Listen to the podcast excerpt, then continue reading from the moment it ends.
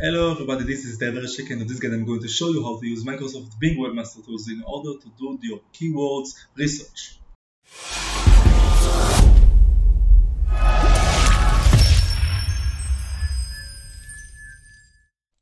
Okay, so let's continue with this guide about Webmaster Tools by Bing from Microsoft.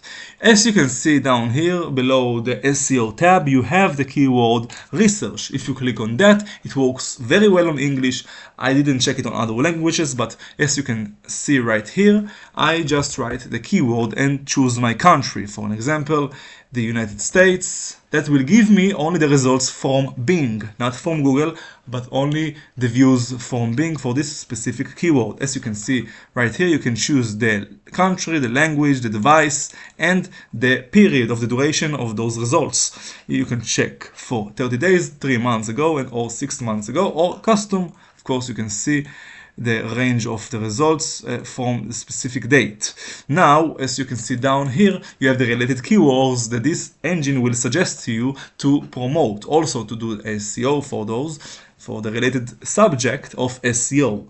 As you can see down here, it gives you 149 results. So you can check and use this pagination in order to see all the results and take some ideas and see what other keywords that are related to this specific subject you can also promote on your website and how many views or searches they have from Bing. So if you have a lot of keywords, you can just download this results and see how it looks like if you open it on the CSV file as you can see right here.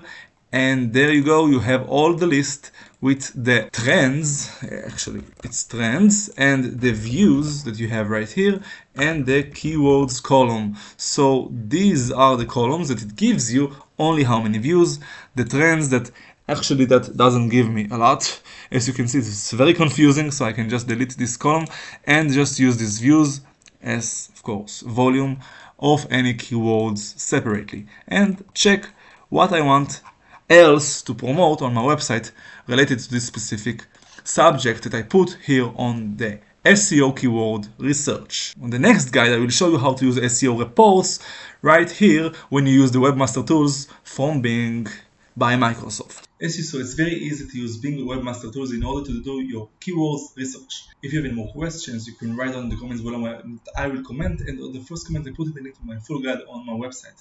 And if you like this video, you can like, subscribe, comment, share and good luck.